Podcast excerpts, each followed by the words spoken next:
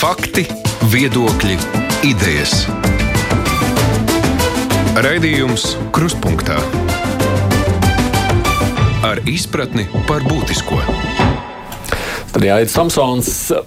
Esmu aplēsis, ka ir divas jomas, kas, par kurām mēs krustpunktā pēdējā laikā esam runājuši vairāk nekā par citām. Viena tā ir veselības aprūpe, bet no tur savu īpašu artavu, kā zināms, dod pandēmija. Otra ir izglītības ieguve, jo tur arī ir daudz izaicinājumu. Nu, un izskatās, ka tāda netrūks arī turpmāk, jo ir atkal jauns ieceres, ir jauns vajadzības. Tādēļ šodien nāksies par to runāt, vai arī par zinātni, jo studijā ir aicināta izglītības zinātnes ministra Anita Mūžniec. Labdien! Labdien! Šī ir amatpersonu stunda. Tas nozīmē, ka tematisko virzību noteiks citi, ne es, jo ministra atbildēs uz žurnālistu un klausītāju uzdotiem jautājumiem. Mums raidījumam attālināti pieslēgušās ir divas mans kolēģis Aisma Orupa no Laikraksta dienas. Sveika, Aisma! Labdien! Un arī Laine Fedotova no Delfiem. Sveiki! Nu, klausītāji, kā parasti, arī ir aicināti iespēju robežās zvanīt, kad varēšu mēģināšu celt klausuli, vai arī rakstiet vislabāk caur mājaslapu, sūtot mums ziņu raidījumam krustpunktā. Es iesākšu droši vien, es zinu, ka jums visiem ir piegriezusies tā pandēmijas tematika, bet nu, gribēju, negribu viņas skāra. Un tā vakardienas ziņa par to, ka nu, būs tomēr tās obligātās profesijas, kur vakcinēties pat pedagogiem iepriekš šķita, ka nu, ir atkāpšanās no domas, ka pedagogiem vajadzēs obligāti vakcinēties. Vakar tā kā likās, ne, ka tomēr būs jāvakcinējas. Kā tad ir? Nu, jāsaka tā, ka atkāpšanās bija saimā. Mm -hmm. Tāds uh, arī mums, ministru kabineta locekļiem, tas bija, es teikšu, diezgan nepatīkams pārsteigums. Mm. Uh, es pieļauju arī, ka daļai nozares tas. Uh, radīja nu, tādu papildus neizpratni par, to, par tiem politiskajiem procesiem, kas notiek, plus atkal ievilkās laiks nu, līdz kaut kādai skaidrībai, nu, kā tad īsti būs. Mēs joprojām Tāpat kā sūtot likuma projektu uz saimu, tāpat arī šobrīd uzskatām, ka šīm uh, profesiju grupām ir jābūt vakcinētām. Un, uh, un tas, uh, tas uh, saimas lēmums, uh, nu, skaidrs, ka viņi varbūt kaut kādā mērā uh, vairāk. Uh, mēģina sajust tās individuālās temperatūras dažādos, dažādos burbuļos un tam līdzīgi. Bet tas, ko es saku saistībā ar pedagogu, prasību pedagogiem vakcinēties, tur jau patiesībā ir ārkārtīgi vienkāršs izskaidrojums, kāpēc. Jo tajā brīdī, kad pedagogs saslimst, ne, es atvainojos, kad klasē skolēns saslimst, tad pedagogs, kurš ir vakcinējies, turpina strādāt. Un tas ir tieši tik vienkārši. Un ja pedagogs nav vakcinējies, tad skolēns, kurš nevar vakcinēties, nu, Jā. esot inficēts, viņš aizsūta karantīnā skolotāju un, un beigās arī visu skolu. Tā kā jūs paredzat, ka būs pedagogi šajā Jā. obligātajā. Tas attiecās, ja drīkst precizējot, tātad gan uz skolu, gan uz pirmsskolu, Jā. gan arī uz palīgu personālu. Gan arī uz visiem auklītēm. izglītības sistēmā strādājošajiem, kuriem ir tātad saskarsme tieši saskarsme ar bērniem. Protams, ka attiecībā uz pirmsskolām es ļoti cilvēcīgi saprotu pirmsskolas skolotājs, kam ir grūtāk šo te saprast, ņemot vērā, ka visu pagājušo gadu kad bija Covid, pirmsskolas skolotājs turpināja strādāt. Tas ir cilvēcīgi grūtāk, bet uh, vienlaikus pedagogs ir pedagogs kā pirmsskolā, tā skolā. Nu, un, ja mēs šādu prasību attiecinām uz kādu profesiju, tad, nu, uh, diemžēl, vai es teikšu par laimi, tā ir jāattiecina uz visiem. Vienīgais, ja drīkst precizēt, tātad pedagogi, protams, ir mācījušies un apguvuši, lai mērķiecīgi iet šo profesiju. Tur ir, protams, arī jau nu, palīgi, mm -hmm. kuriem mm -hmm. nav šī izglītība bijis nepieciešama un kāda daļa nu, vadības baidās, ka ies prom. No, nu, tā, tas tā var būt. Attiecībā uz pirmsskolām man tāda nu, precīza, nu, arī uz skolām patiesībā nav jau tādu absolūtu precīzu datu, cik tad ir tie cilvēki, kur varētu nu, pie šāda lēmuma pieņemšanas izvēlēties doties prom. Vienlaikus jāsaka, ka tur ir vairākas grupas, nu, tajos vēl nevakcinētajos, kuru kļūst ar vien mazāk par laimi. E, tur ir, tur ir atkal vairākas grupas, vairāk, e, nu, dažādi viedokļi pārstāvēt. Viena viedokļa ir iespējams tie, kuri gaidīja likuma projektu, tā teikt, nu, kas jau ir pieņēmuši lēmumu nestrādāt skolā, gaidīja likuma projektu, attiecīgi, nu, kaut kādas nu, atbrīvošanas iemesli, iemeslus. Es, es, nu, grūti pateikt. Ir tādi, kas atkal droši vien gaidīja un teica, nu, tajā brīdī, kad būs obligāti, tad arī, nu, tad arī vakcinēsies. Ir vēl kādi, kas nu, vienkārši nogaida. Ja, nu, tur, tur ir ļoti, ļoti, manuprāt, dažādi, un, un tās aplēses, nu, vismaz cik mēs esam runājuši, gan ar uh, izglītības iestāžu vadītājiem, gan individuāli ar skolām, nu, nav tie procenti tik lieli, kā tie tika zīmēti vasarā, kad mēs par to sākām runāt. Ja? Nu, tur ir viens, divi pedagogi kaut kur. Mm. Kolēģis, iespēja jautāt, kura no jums pirmām? Es varētu arī sākt. Es varētu gan pārvirzīties no pedagoģa vakcinācijas uz skolēnu testēšanu. Droši. Man interesē, vai ir zināms, vai ir zināma regularitāte, kādā skolēns varētu testēt nākamajās divās vai trīs nedēļās, jo nesen bija gadījums, kad 14. septembrī publicēja ziņu, ka skolēniem veiks testus reizi divās nedēļās, un tad jau nākamajā dienā teica, ka, nu, ka, nē, ka tomēr atgriezīsies uz regulārāku testēšanu reizi nedēļā. Tad kāda varētu būt tuvākā nākotne? Tātad šobrīd algoritms būs reizi divās nedēļās līdz brīdim, kad mēs nostabilizējam visas tās problēmas situācijas, kas mums bija saistībā ar laboratoriju kapacitāti, saistībā ar datu korektu nodošanu, iegūšanu. Tajā brīdī, kad situācija kļūs stabila, kad mēs redzēsim, ka ne loģistikā, ne datu apmaiņā, ne testu rezultātu saņemšanas ātrumā problēma vairs nav. Protams, ka mēs arī vērtēsim iespēju un, un arī epidemioloģiskā situācija kopumā nu, jau liks eh, šo te eh, algoritmu atkal padarīt biežāku, bet tas šī brīža mērķis pārējot no reizi nedēļā testēšanas uz testēšanu reizi divās nedēļās bija pamatā saistīts ar to, ka ir jādara tās lietas, nu, ko mēs esam apņēmušies, proti veikt šo monitoringu testu testēšana ir jāizdara labi. Lai to izdarītu labi, mums nu, reizi nedēļā bija par biežu. Mēs tagad nostabilizēsim situāciju un tajā brīdī varēsim runāt par pārskatīšanu biežāk. Mm -hmm.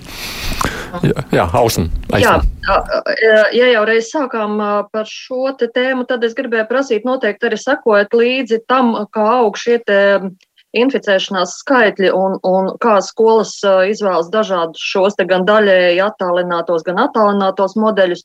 Vai ir tāda pārliecība, ka mums izdosies noturēt klātieni, nu, ņemot vērā tomēr šo ne, ne īpaši iepriecinošo statistiku, jo jūs arī teicāt, ka nu, skolas būs pēdējās, kas kā teikt, kritīs un, un, un tās netiks slēgtas. Kā jūs šobrīd saredzat situāciju? Jā, paldies par jautājumu. Šobrīd tieši tāpat kā pirms mēneša vai diviem es te, uh, joprojām saku, ka skolas uh, būs klātienē uh, un lai arī šobrīd ir skolas, kas nu, tāpēc, ka skolās ir eh, konstatēta covid saslimšana, eh, kādiem skolēniem vai, vai pedagogiem eh, izvēlas vai nu visai klasē vai klases daļai vai vairākām klasēm pāriet uz daļai attālināt vai attālināt mācību režīmu. Mēs jau divas divas vai pat trīs nedēļas jau pēc kārtas redzam, ka kopumā uh, tas, tas skar apmēram 10% klašu. Eh, un es uzsveru klases, jo, nu, eh, ja mēs skatītos pēc skolām vai, nu, mēs, ja raudzītos pēc pašvaldībām, mēs varētu teikt, ka tās ir gandrīz visas pašvaldības, tad tā aina liekas ļoti dramatiska. Ja mēs raugāmies pēc skolām, tad arī ir eh, diezgan ievērojams skaits skolu, kuras ir pieņēmušas lēmumu, bet vienlaikus šie lēmumi ir pieņemti vai nu par atsevišķām klasēm vai klases daļām, kur ir jāpāriet uz attālinājumu attālināt vai daļai attālināt režīmu, kas kopumā veido no aptuveni 10% skolēnu skar šis te, ka uz divām nedēļām kādā brīdī ir jāpāriet uz šo te uh, attālināto vai daļai attālināto režīmu. Attiecībā uz saslimšanu arī šī te monitoringa testēšana rāda to, ka uh, kopumā uh, tas procents skolēnu uh, saslimušo nav tik liels un, uh, un kopumā no visiem saslimušiem nu, 10-13% robežās tie ir, tie ir skolēni, bet atkal atkal tā nav tik liela daļa, lai mēs redzētu, ka nu, e, tieši skolēni būtiski saslimst, ka, ka ir lieli riski tam, lai skolas pilnībā tiktu slēgtas. Nē, šobrīd nav tādu bažu, šobrīd turpinām strādāt klātienē, cik vien tas ir iespējams. Kirstuks kundze jautā, ņemot vērā visus šīs jaunos ieceres, kāds būs regulējums pirmsskolas vecuma bērniem interešu izglītības nodarbību iekštelpās apmeklēšanai? Jā, no nu, attiecībā uz interešu izglītību šobrīd uh, ir, ir uh, regulējums attiecināts uz visiem. Nu, tieši tāpat, lai apmeklētu interešu izglītību arī pirmsskolas skolēniem, ir, uh, ir jātestējas. Uh, vienlaikus uh, tas nav jādara tad, ja uh, skolēni apmeklējot interešu izglītību, ja viņiem šajās nodarbībās nav saskars, saskarsmes ar skolas vecumu, sko, nu, respektīvi jau ar to tikai pirmsskolnieku burbuli.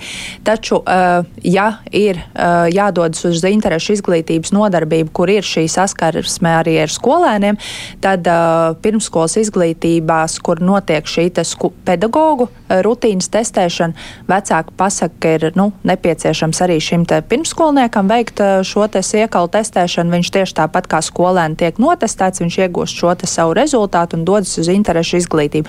Jā, attiecībā uz interešu izglītību atšķirībā no klātienes mācībām, nu, kas ir uh, vispārējā izglītība, var noteikt, uh, va, varētu uh, nākties pieņemt kādus ierobežojumus tajā brīdī, kad valstī kopumā saslimstības rādītāji būs krietni pieauguši. Par to arī vakar ministru kabineta sēdē, nu, izskatot veselības ministrijas piedāvājumu, uz to tika norādīts, bet tie būs atsevišķi lēmumi, un tā mūsu, mūsu kā ministrijas interese ir maksimāli ilgi noturēt visu, kas ir nodrošināms ārtelpās. Nu, mēs zinām, ka ārtelpās risks ir ārkārtīgi neliels. Protams, ka interešu izglītības, sporta nodarbības iespēja vispār nu, kaut ko darīt un, un tikai nesēdēt, piedodiet, pie, pie datora mājās, ja, tas ir ļoti, ļoti nozīmīgi tieši bērniem. Un, un mēs arī, protams, par šīm iespējām tajā brīdī, kad būs jālem, pacentīsimies mm. pacīnīties, tā, tā jāsaka. Jā, Laina. Jā, es runāju arī par skolēnu testēšanu. Ir viena eh, skolēnu grupa, kurus testēt nav iespējams. Tie ir bērni speciālās izglītības iestādēs, atsevišķi bērni, kuriem ir īpašas veselības problēmas. Un uh, ir, es pati zinu gadījumus, kurās ir klase, kurā šie skolēni nav testēti. Protams, ir šie aicinājumi, ka viņiem vajag nodrošināt pēc iespējas epidemioloģisku drošāku vidi. Viņam vecākiem vajadzētu ievērot pilnīgi visas iespējamās piesardzības pasākumus, bet kā var nodrošināt vēl drošāku vidi, ja viņiem testus, kas ir vislabāk labākā metode, kā pārliecināties par to, ka viņiem nav saslimšana, kā, ko plānot darīt šajā lietā. Jā, nu te ir atkal šis, šis ir tas brīdis, kad, lai kā man negribas, man ir jāsaka, ir lietas, par kurām uh, es nevaru atbildēt no tāda epidemioloģiskā viedokļa, jo es vienkārši neesmu veselības jomas eksperts. Tas, kas ir izdarīts šobrīd, mēs uh, esam uh, Eh, tātad regulējumu padarījuši tādu, ka arī speciālās izglītības iestādēs vai, vai skolēni, kas apgūst speciālās izglītības programmas, viņiem nu, principā būtu jābūt testētiem. Taču ir tādi gadījumi, kad vienkārši objektīva apsvērumu dēļ uh, nu, nav iespējams šos bērniņus notestēt tā, kā to var izdarīt jebkuru bērniņu. Tas ir ārkārtīgi grūti, tas ir psiholoģiski, emocionāli sarežģīti tam bērnam. Un, uh, un, un tad ir tajā brīdī, ir, nu, pieņemot kaut kādus lēmumus, ir jālīdzsvaro nu, nu, tie riski uh, vien, vien, vienai versijai vai otrai. Protams, ka, uh, protams, ka nu, šāds jautājums varētu nākt no vecākiem, kas ir, nu, pieņemsim, ģimenē, visi ir vakcinējušies, konkrētais bērniņš arī labprāt, nu, nu labprāt Eh, bet viņam ir viegli nodot šo iekalu testu. Protams, arī no ģimenes ir jautājums, nu kā, kā tad es viņu teikt palaidīšu uz skolu, tur iespējams ir kāds netestēts bērns, bet atkal nu, ir jāizdara viss. Nu, tātad eh, šādos gadījumos, kur ir eh, speciālās izglītības iestādes klasē, grupā ir bērniņi, kas nevar šos testus veikt, tad, protams, ka skolē ir papildus, nu, papildus distancēšanās prasības, nu, papildus ventilācijas, bet ir kaut kādi kompromisi mums jāatrod arī šiem bērniem, kas vienkārši nevar šos testus veikt. Nu, nu, tik vienkārši. Es vēl gribēju turpat paturpināt par to, vai ir tā, ka tiešām tikai tests ir, pilni, nu, tests ir drošākā metode, bet varbūt ir vēl kādi citi risinājumi, kurus varētu meklēt. Es zinu, ka reiz izskanēja, ka varētu testēt šo bērnu ģimenes, bet eh, veselības, veselības ministrijā man teica, ka to joprojām nedara. Nu, tas ir jautājums tiešām veselības ministrijai, jo, jo tik tālu, cik mēs esam runājuši, mūsu uzdevums ir tātad nodrošināt bērniem iespējas iegūt izglītību. Veselības jomas eksperti vērtēja vairākas, nu tātad bija šī tas iekalu, iekalu savākšanas metode, tad mēs nonācām līdz šai kociņu metodei, kas ir saudzīgāk, ir diskusijas par to, ka arī medicīnas personāls, vai tā ir skolas medmās vai arī laboratorijas pārstāvi, var palīdzēt noņemt šo testu. Ir bijušas sarunas arī par ģimenēm, bet tas jautājums ir adresējums veselības ministrijai, kur tiešā veidā strādā ar laboratorijām un pielāgo šos te algoritmus un testēšanu. Es nevarēšu atbildēt šo jautājumu. Rīta prasa, vai tā obligātā vakcinēšanās attieksies arī uz privāto bērnu dārzu personālu. Nu, bet, protams, pedagogs ir pedagogs, un tieši tāpat arī, kas ir varbūt mazāk izskanējis arī šobrīd, arī šobrīd droši pakalpojumu sniegšanai, nu, mēs arī raugāmies uz auklītēm, ja bērnu pieskatīšanas pakalpojumiem. Ārpus, ārpus bērnu nu, dārziem. Aizma.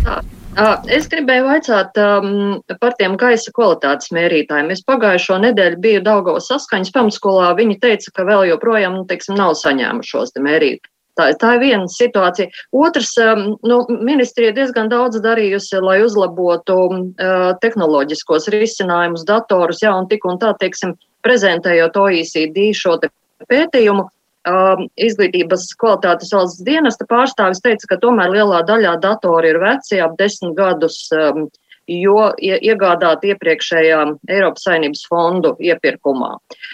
Vai ir arī kaut kas domāts šajā ziņā, jo atceraties, varbūt arī savu laiku bija šis te uzsaukums katram bērnam savu planšeti, ja? vai ir varbūt kaut kas arī vēl uh, domāt šajā virzienā?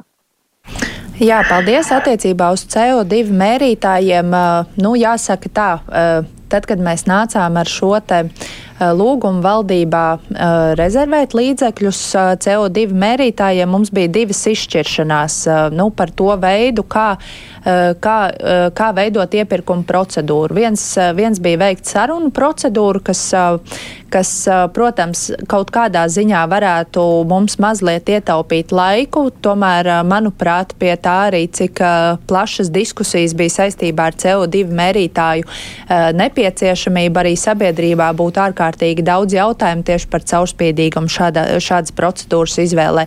Līdz ar ko mēs gājām klasisku iepirkuma procedūru, tiesa gan saīsinātos termiņos, vienlaikus nu, kā, kā jebkurā iepirkuma procedūrā, arī mēs esam saskārušies ar to, ka iepirkuma procesā mums nāca vairākas sūdzības, tad, protams, tas ir laiks, laiks kamēr tās tiek izskatītas un tam līdzīgi. Nu, rezultāts ir tāds, ka mēs beidzot esam noslēguši šo iepirkuma procedūru piekdien, šo, šo piekdienu tātad mēs būsim izvērtējuši visus pieteikumus, un es ļoti ceru, ka arī pēc, pēc šīs izvērtēšanas un pēc rezultātu paziņošanas, ka mēs atkal nesaņemsim kārtējās. Nu, es tiešām atļaujos teikt, ka atsevišķi no tām bija vienkārši tendenciozas sūdzības, tādas nu, laika vilkšanai. Es nezinu, kādas motivācijas pēc, bet es ļoti ceru, ka mēs raiti varēsim virzīties uz priekšu ar līgumu noslēgšanu, kas, protams, Uh, ir ievilcis to, ka mēs uh, reāli pie ierīcēm visticamāk tiksim, uh, tiksim novembra sākumā, nu jau jāsaka tā. Attiecībā par datoriem, jā, protams, ka iepriekšējā periodā iegādātās ierīces ar laiku noveco. Tas ir normāls process, kas tiek darīts tātad Covid laikā ap 6000 iekārtu. Ja es tagad pareizi atceros, tika iegādātas gan planšetes, gan, gan, gan datora tehnika. Vienlaikus šobrīd no, noris iepirkums par datoru iegādi. 7. un 9. klašu skolēniem 10,5 miljonu apmērā. Eh, tas ir, eh, tas ir saistīts ar šo sadarbības memorandu dators ikvienam bērnam. Un tad nākamajā kārtā no, no Eiropas fonda līdzekļiem 11 miljonu apmērā mēs plānojam iegādāties datorus arī 4. un 6. klašu vecuma posmam, un tad, tad attiecīgi uz leju vēl, vēl nākamajās kārtās. Ko mēs, mēs, ko mēs no tā iegūstam? Mēs no tā iegūstam to, ka dažu gadu laikā mēs principā būsim izveidojuši datoru bibliotekas katrā skolā. Tas būs kā mācību līdzeklis, līdzīgi kā grāmata, katrs skolēns saņems uzsākot mācību gadu un varēs lietot. Un, protams, tālāk jau tad, nu, šī uzturēšana periodiski būs jāatjauno. Par to vēl, vēl varbūt tādas detalizētas nevarēšu šodien atbildēt par to formu, kā tas izskatīsies. Mums noris sarunas ar pašvaldībām, kādā veidā tas uzturēšanas atjaunošanas process notiks turpmāk. Mm. Lūk, esam uzklausījuši kādu zvanu. Jā, lūdzu! Halo! Halo! Jā, labdien! labdien. Man ir jautājums izglītības ministrei. Vai jums ir zināms tas, ka ādažos vidusskolā ir desmit pirmās klases? Desmit. Katra skola tiek projektēta un būvēta atbilstošam skolēnu skaitam. Un tas nav tikai ādažos, tas ir arī mārupē, cik es zinu. Un īpaši nerunājot par covid, bet arī elementāras sanitārās normas tur nav, nav iespējams ievērot. To... Nu, sakot, vai jums nešķiet, ka tā skola ir par lielu, ja tur ir 10 pirmās klases, sakot, nu, protams, epidemioloģiskajā situācijā liekas, ka nu, baigais bars. Nu, šobrīd uh, skaidrs, ka pie prasībām uh, vairāk ieturēt distanci mēs, uh, mēs varam teikt. Uh, paldies Covidam par, par kaut kādu skolu tīklu optimizācijas atlikšanu, bet nē, nu, man nešķiet, ka arī desmit pirmās klases ir pārāk daudz, un, un es teikšu, ka ja mums Latvijā ir tas uzskats, ka tūkstots bērnu skola ir ārkārtīgi liela, nu patiesībā tā, nu, uz citu valstu fonu nebūtu nav tik, tik ļoti liela skola. Nu, galvenais, lai skolā ir laba vide, kur, kur mācīties, manuprāt, Ādaža un Mārupa ir ļoti labi piemēri, kur paskatīties, kā var mūsdienīgi organizēt mācību procesu. Mm. Man kolēģis, kurš no jums la, lainas pa priekšu? Jā. Es nu, listē jau biju iepriekš vēstīju, nu, ka skolotājiem veikt skolēnu testēšanu, ka tas viņiem ir papildu darbas lokus. Un neilgi pēc tam Rudolfs Kalvāns, Liela vadītājs, viņš teica, ka principā skolotājiem ar to nemaz nav jānodarbojas, ka tas ir pienākums, kas ir jāveic skolas medicīniskajai māsņai. Vai es pareizi saprotu, ka skolā medicīniskajai māsņai nemaz nav obligāti jābūt? Un, ja tā ir, vai to vajadzētu mainīt? Par skolas medicīnisko māsu, manuprāt, es, es tagad saku, manuprāt, jo es uh, mēģinu atcerēties no galvas, manuprāt, uh, ir jānodrošina medicīnas personāla uh, klātbūtne izglītības iestādē. Uh, jautājums ir, cik uh, daudz skolēnu ir izglītības iestādē un vai, vai tas ir viens cilvēks, vai tas ir, nu, pieņemsim, pirmsskolā un skolā, kas ir blakus, uh, vai tas var būt viens un pats cilvēks. Bet uh, par to, ka skolotājiem pamatā nebūtu jānodarbojas ar testēšanu, pilnīgi noteikti es varu piekrist. Eh, tas ir arī viens no iemesliem, kāpēc arī tika mainīts testēšanas algoritms, jo līdz šim ar eh, šo iekalu savākšanas metodu un to, kādā veidā tas process tika organizēts no, no laboratoriju puses, tas krietni atšķīrās no tā, par ko mēs bijām runājuši vasarā. Tas bija ļoti apgrūtinoši pašiem pedagogiem. Tagad redzam, ka ar šo kociņu metodu tas ir ātri, nu, principā aizņem dažas minūtes laika skolotājiem izdalīt izdalīt stobriņus, vienu minūti noturēt bērniem mutē, uzņemt laiku, sa savākt stobriņus un turpināt darbu. Tā kā šobrīd mēs ļoti ceram, ka tagad no 1. oktobra visās skolē, skolās pārējot uz šo metodu, tad mēs arī atrisināsim šo laikietilpīgo jautājumu. Mm. Aizma? Jā, jo atgriežoties arī pie skolu tīkla, nu, ne, nevieni, neviens vien viedoklis ir izskanējis, vai mums ir skolas par daudz vai par maz. Un es te noklausījos atkal jāatsaucas uz šo te OECD pētījumu prezentāciju Rolands Ozols izglītības kvalitātes valsts dienas teica, ka mums jābūt ļoti uzmanīgiem ar izglītības ieguves vietu optimizāciju, uzsvarot ieguves vietas, nevis skolas. Ja? Ar to akcentējot, ka varbūt tomēr jāiet apvienošanas virzienā, atstājot pēc iespējas nu, plašāku no nu, šo skolu uh, tīklu novados. Pretējā gadījumā tas nes līdzi apdzīvoto vietu, vietu iztukšošanos un ģimeņu pārcelšanos uz, uz citām vietām. Sakiet, kā jūs vērtējat nu, teiksim, šādu te viedokli, jo, protams, ir arī daudz runāts par to, ka varbūt tas nav tas īstais ceļš, kā ar pārvaldības optimizāciju nodarboties. Nu, kā, kāds ir jūsu ieskats? Nu jā, attiecībā uz efektīvu skolu tīklu, eh, manuprāt, mums ir eh, ļoti daudz darāmā un, eh, un attiecībā uz to ka jābūt uzmanīgiem no, no, nu, runājot par skolu tīklu kārtošanu attiecībā pret to, nu, pret uh, skolas attālumu no dzīvesvietas un, un, un tam līdzīgiem aspektiem. Tur ir divas daļas. Protams, ka skolēnam, no es teiktu, posmā pirmā sastā klase ir ārkārtīgi būtiski, lai skola ir maksimāli tuvu dzīvesvietai. Vienlaikus, tad, kad mēs runājam par kvalitatīvas izglītības iegūšanas iespējām, tad nu, ir, ir jāvērtē vairākas lietas. Ir jāvērtē šis attālums līdz skolai, tas, nu, it sevišķi vecākajā vecuma posmā, kur, kur no septītās klases ir uh, mācības, es, uh, es teiktu, ka noteikti ir vērts 20 minūtes pavadīt ceļā uz skolu, kur ir uh, pedagogs, kas ir uh, kurš var strādāt pilnas slodzes darbu, kuram ir at, atbilstošs atalgojums par, par savu, savu, savu uh, darbu, tātad pilnas slodzes, līdz ar ko viņš ir eh, vairāk motivētāks nekā tas, kuram ir pa četrām skolām jā, jāsalasa sev pilna slodze. Eh, tā kā, tā kā tur ir tāds, man liekas, ļoti duāls jautājums, nu, bet tas, tas fokus, ko es, ko es gribēju uzsvērt, tātad sākuma skola maksimāli tuvu dzīves vietai par sākuma skolu mēs runājam pirmās līdz sestās klases posmā. Jā, objektīvi, jā, pamatoti. Vēlākā vecuma posmā, tomēr lielākām skolām ir eh, konsolidējot resursus, ir iespējams gan šo pedagoģisko personālu nodrošināt uh, kvalitatīvāku, uh, motivētāku, E, gan arī, protams, e, šīs te tehnoloģiskās iespējas, ko var sniegt, jo, jo šobrīd nu, tā, tā situācija, kur mēs esam attiecībā uz skolu tīklu, manuprāt, ir, ir gaužām nepiedodama. Protams, ir labi piemēri, bet ja mums ir no lielas lielas uh, pilsētas uh, asfaltēta ceļa, 10 km attālumā skola, kur uz uh, katriem diviem skolēniem ir pa vienam skolotājam, kas savukārt rada, nu, turpina radīt šos mītus par zemu atalgotajiem skolotājiem, cik grūti, cik traki. Nu, iespējams, ka arī par šādām skolām ir jādomā tomēr, ka tās ir jāpievieno kādām lielākām, tādā veidā atrisinot ne tikai varbūt tīkla jautājums, bet tieši tos pašus arī atalgojumu, arī izglītības kvalitātes jautājums. Mm.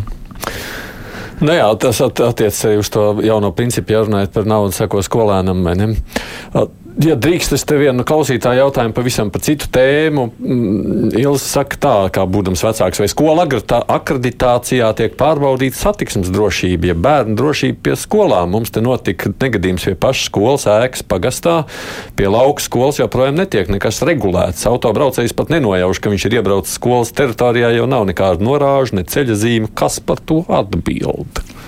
Nu, manuprāt, tieši no akreditācijas viedokļa satiksmes organizācija vai satiksmes plūsma pie izglītības iestādes netiek vērtēta, un kurš par to atbild pilnīgi noteikti ir jāvēršas pie pašvaldības.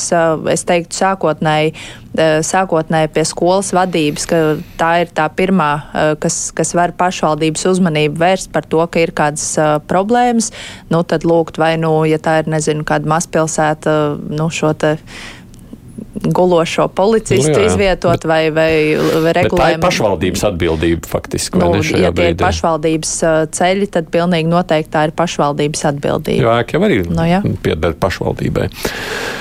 Droši vien atgādināšu pirms klausītāji un kolēģi var turpināt zvanīt. Mums šeit tātad šodien izglītības zinātnes ministra Anita Mužnieca atbild uz nu, jūsu jautājumiem, kas tiek uzdot tieši šeit laikā. Raidījums Krustpunktā. Tur viens ir cilvēcisks jautājums no Ingas. Jums ir bērni un kādā vecuma grupā? Jā, paldies uh, Ingai par jautājumu. Man ir trīs bērni. Man ir uh, 14 gadus veca meita, kur mācās 8. klasē, un tad man ir uh, divi, divi puiši, uh, kuriem drīz jau pavisam drīz būs deviņi gadi un mācās otrajā klasē. No, nu, vismaz cilvēks zina, ka jums ir arī pašai savu privātu pieredzi. Laini! Es gribētu lūgt ministri, vai viņi varētu izskaidrot atšķirības starp izglītību ģimenē un mājmācību. Un vai tā tiešām ir, ka vecāki dodas uz skolu un saka, ka viņi vēlas eh, mājmācību, un vai izglītība ģimenē un paši īsti nesaprot, kas tas vispār ir. Jā, paldies. Šis, manuprāt, ir ļoti, ļoti svarīgs jautājums, eh, par kuru uh, es, es domāju, par kuru daudziem nav īsti tādas skaidrības. Un, un tā tad te būtu vērts arī izskaidrot visas tās četras iespējas mācībām, kas ir blakus klātienē. Tā viena iespēja, ko mēs piedzīvojām Eh, pagājušajā gadā pamatā tās ir attālinātās mācības, tā ir daļa no klātienes izglītības. Tas eh, nu, šobrīd, es teiktu, tiek izmantots brīžos, kad uh, tiešām ir šī covid saslimšana, kad, uh, kad uh, skolotājs joprojām turpina mācīt savu klasi tikai caur datora ekrānu, caur Zoom vai kādu citu platformu, izmantojot digitālās tehnoloģijas. Tas ir par attālinātajām mācībām. Mājmācība tas nav nekas jauns, tas tā ir, tā ir iespēja bērniem pamatā veselības stāvokļa dēļ dabūt to, ka skolotājs nāk pie viņa uz mājām vai uz uh, slimnīcu. Uh, ja, ja viņš uh, tajā brīdī bērniņš ir slimnīcā, tad skolotājs dodas pie skolēna, māca, uh, un tas pamatā ir saistīts ar veselības jautājumiem. Tad ir, uh, tad ir šī apmācība ģimenē, un uh, patiešām vecāki arī nu, šobrīd daļa no viņiem tādu varbūt emocionālu aspektu vadīt saistībā ar maskām, ar testēšanu skolā dodas uz skolu uzrakstīt iesniegumu par ieguvusi izglītību ģimenē, domājot, ka tās joprojām ir attālinātās mācības vai, piemēram, mājmācība. Bet nē, izglītība ģimenē ir process, kurā vecāks pats uzņemas pilnu atbildību par to, ka viņš iemācīs bērnam visu, kas ir paredzēts.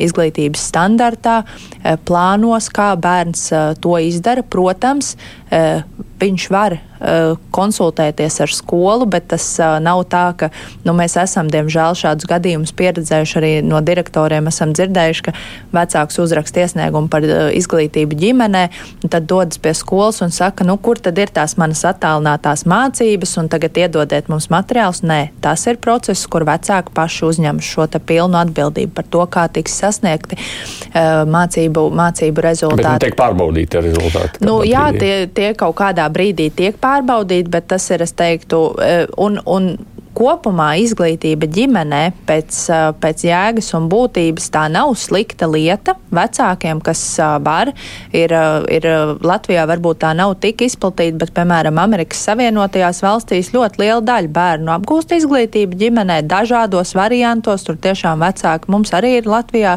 vairākas ģimenes, kas to tiešām dara. Tur, tur mammas mācās, lai, lai to varētu izdarīt. Un kāpēc ne? To var darīt. Bet, bet es domāju, ka to nevar darīt visi.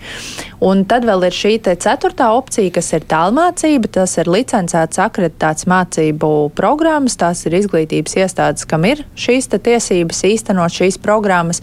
Bet atkal, lai mēs saprastu, nu, to, to starpību, tās arī nebūs tādas attālinātās mācības, kā tika nu, pagājušajā gadā nodrošināts. Tā tomēr ir tāda ļoti patstāvīga mācīšanās, kur reizi pa reizei e, konkrētu, konkrētā periodā skolēni tad dodas nokārto pārbaudas darbus, e, tiek vērtēts nu, temata beigās viņu iegūtās zināšanas, bet principā viņi mācās paši.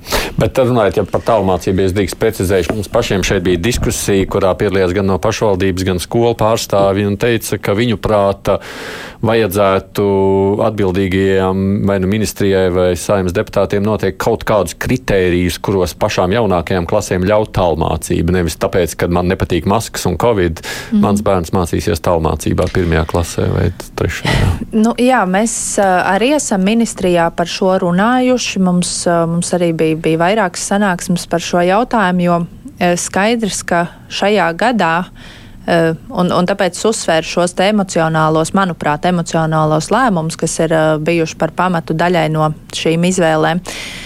Eh, no vienas puses mēs nevaram vecākiem liekt nu, izvēlēties savam bērnam vienu vai otru nu, pieņemamu, pieņemamu veidu, kā mācīties. No otras puses, jāpiekrīt, ka droši vien ka tāda tālmācība nebūtu, atkal manā ieskatā, nebūtu piemērota ne pirmajā, ne otrajā, ne trešajā klasē, kur bērniem pamatā bez zināšanu apgūves vēl ir ļoti daudz citas lietas, kas ir jāapgūst. Tāpat socializēšanās, tā pati prasme mācīties. Nu, tātad, nu, izvēloties tālmācību, būtībā šis bērns jebkurā gadījumā iemācīsies tikai, tikai darīt pats. Viņam nebūs, nebūs iespēja arī tā īsti pajautāt, nu, konsultēties un arī dabūt to refleksiju, eh, vai tas, ko es esmu iemācījies, nu, ir pareizi, ja, un, un, un, un tikai kaut kāda perioda beigās, ja tikt novērtētam. Bet uh, vienlaikus uh, redzot šo te pieaugumu, nu, uh, es teikšu, jā, to, to masku un testēšanas sakarā, emocionālo lēmumu sakarā, pateikt, ka nedrīkstēs ne izglītību ģimenē, ne tālmācību. Tieši par tālmācību bija runa. Nu, jā, jā nu, nu, ir jāsaprot tā, ka mums ir, nu, tad, tad ir jābūt ļoti dzelžainiem argumentiem, kāpēc tas, ko mēs no savas puses darām, mēs vērtējam, vērtējam ļoti, it sevišķi tās iestādes, kurās ir ārkārtīgi liels pieplūdums, mēs esam konstatējuši, es neminēšu šobrīd, kur iestāde, bet vienā iestādē, kur bija ļoti liels skaits iesniegumu, mēs esam konstatējuši, ka tā faktiski faktiski nedrīkstēja uzņemt šos skolēnus, ja, un, un mēs pievēršam tam uzmanību. Droši vien, ka tajā brīdī, kad visi procesi būs noslēgušies, tad arī nāksim ar paziņojumu šajā sakarā. Bet, uh, nu, kā jau teicu, mums svarīgi ir neatstāt tos bērnus tādā pavisam pelēkajā zonā, nu, ka mēs uh, vispār viņus dabonam, ka viņus neved uz skolu. Mm -hmm. Labi, aizsma. Atgriežoties pie skolu tīkla, savulaik gan um, eksministrs Kārlis Šadurskis, gan arī Ilga Šuplinska tā kā atbalstīja Igauņu ceļu attiecībā uz valsts vidusskolu izveidi. Uh, vai nav domāts uh, nu, uh, ņemt šo te Igauņu pieredzi, jo viņi jau, manuprāt, ka no 13. gada jau veido šīs te uh, vidusskolas skolas, tieši uzsver vidusskolas posmu, kas ir valsts atbildībā, atstājot pamatskolas un sākumskolas pašvaldības pārziņām. Vai, vai ir varbūt apsvērta šī doma, un vai mēs tā kā varētu arī nu, šo piemēru izmantot? Jā, paldies par jautājumu. Tātad, nu, saistībā ar šiem piedāvātajiem trīs konceptuālajiem risinājumiem, kā mēs turpmāk varētu sadalīt mērķdotāciju, šis trešais modelis pašvaldību mērķdotācijas nodošanas pašvaldības rīcība attiecībā pret skolēniem kaut kādā ziņā ir ļoti līdzīgs tam, tam ko izdarīja Igaunija.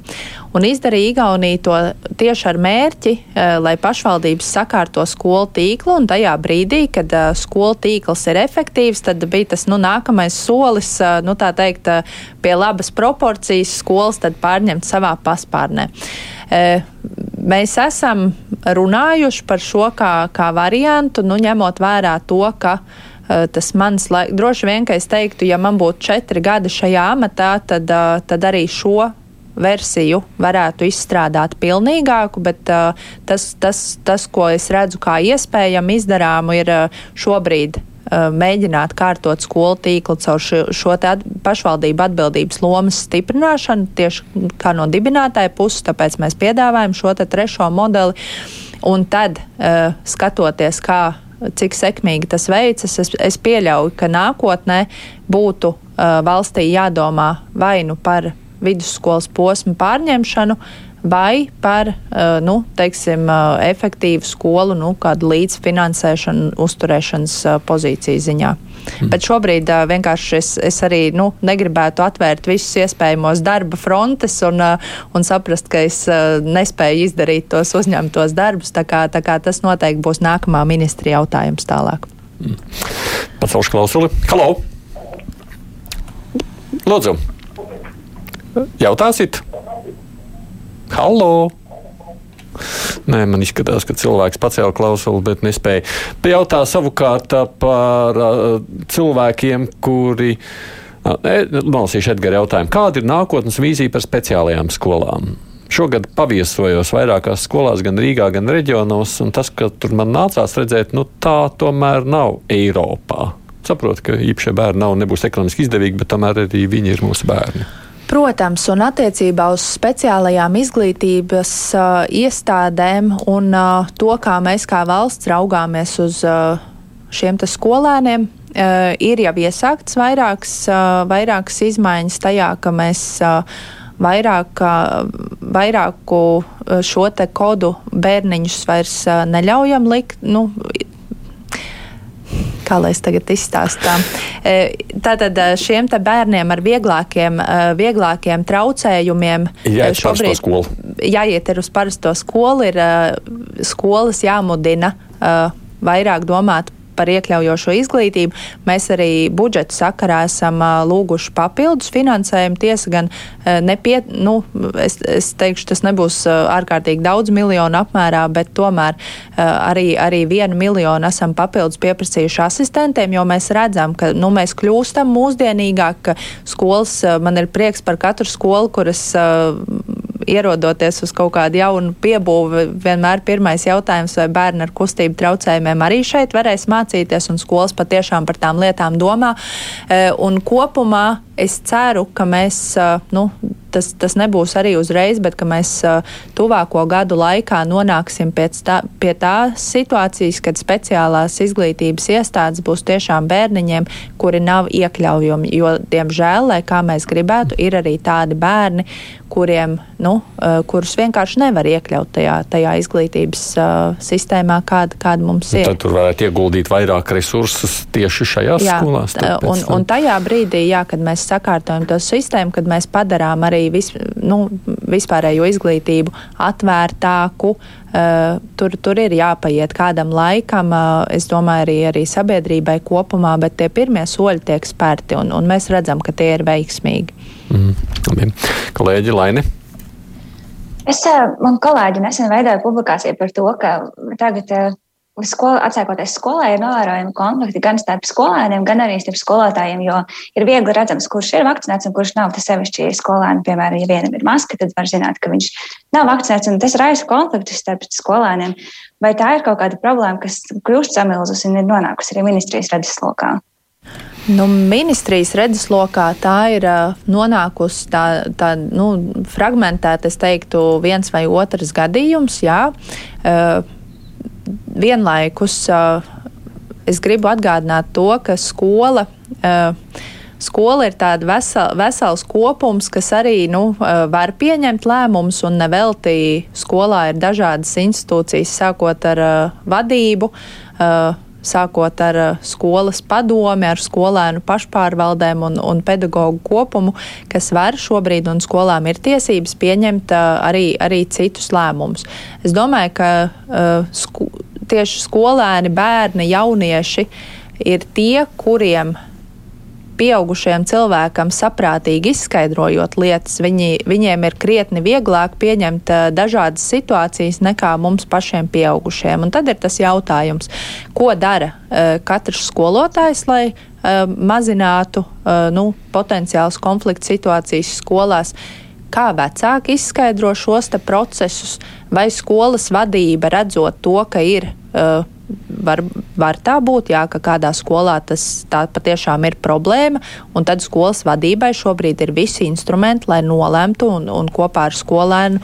Uh, uh, skolas padomi, kur ir arī vecāku pārstāvi, lai noņemt, uh, nolemtu par uh, pilnīgi vienādu pieeju visiem bērniem skolā. Tā kā, nu, Mēs, mēs zinām, ka tas tā var, var būt, bet es domāju, tas skaidrošanas darbs arī ir jāiegulda, jo vienlaikus, protams, es arī esmu saņēmusi, piemēram, ziņu par to, ka skolotājs var atļaut, atļauties vidusskolas klasē pasmieties par bērniem, ka kādam ir maskas, neaizdomājoties. Un es nedomāju, ka tas ir aiz ļaunu prātu, vienkārši neaizdomājoties par to, ka kāds skolēns, kurš septembrī tur sēž ar masku, ir saņēmis tikai pirmo poti.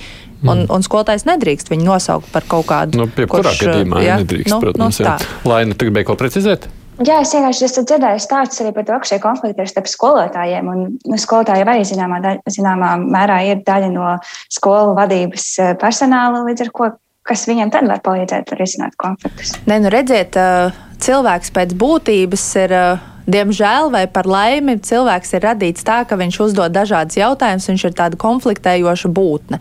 Un, uh, un laikam tādu ideālo scenāriju pasaulē, kur uh, nevienā situācijā nekādi konflikti neradīsies, uh, nu, mēs, mēs nevarēsim izveidot, jo tad mēs vairs nebūsim cilvēki, bet roboti.